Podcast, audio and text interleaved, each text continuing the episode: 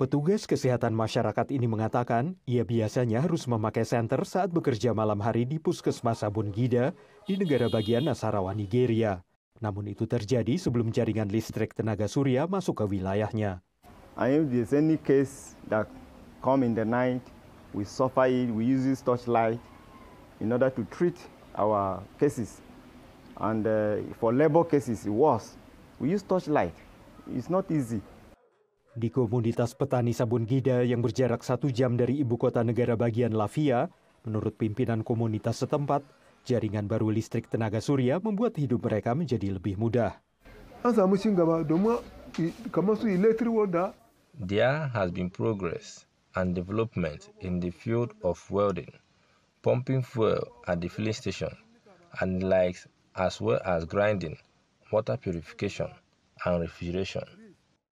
Menurut pengusaha Sulaiman Dauda, warga menikmati kemudahan tambahan dan manfaat lain dari jaringan listrik tenaga surya.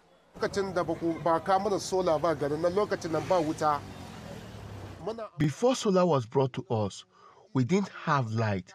We only generated light from the generator. But even at that, the generator gave us a lot of challenges. Jaringan interkoneksi listrik tenaga surya pertama ini dipasang bekerja sama dengan PowerGen, sebuah perusahaan energi terbarukan di Afrika yang bertujuan mengatasi kesenjangan listrik di wilayah pedesaan.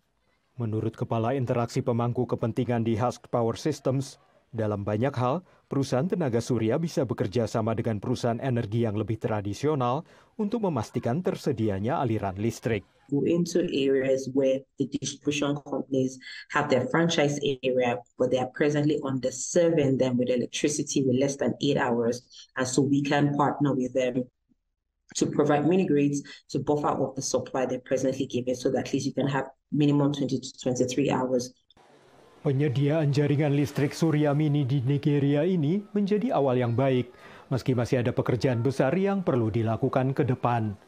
Karena menurut Bank Dunia, terdapat sekitar 45 persen populasi Nigeria yang belum terjangkau jaringan listrik.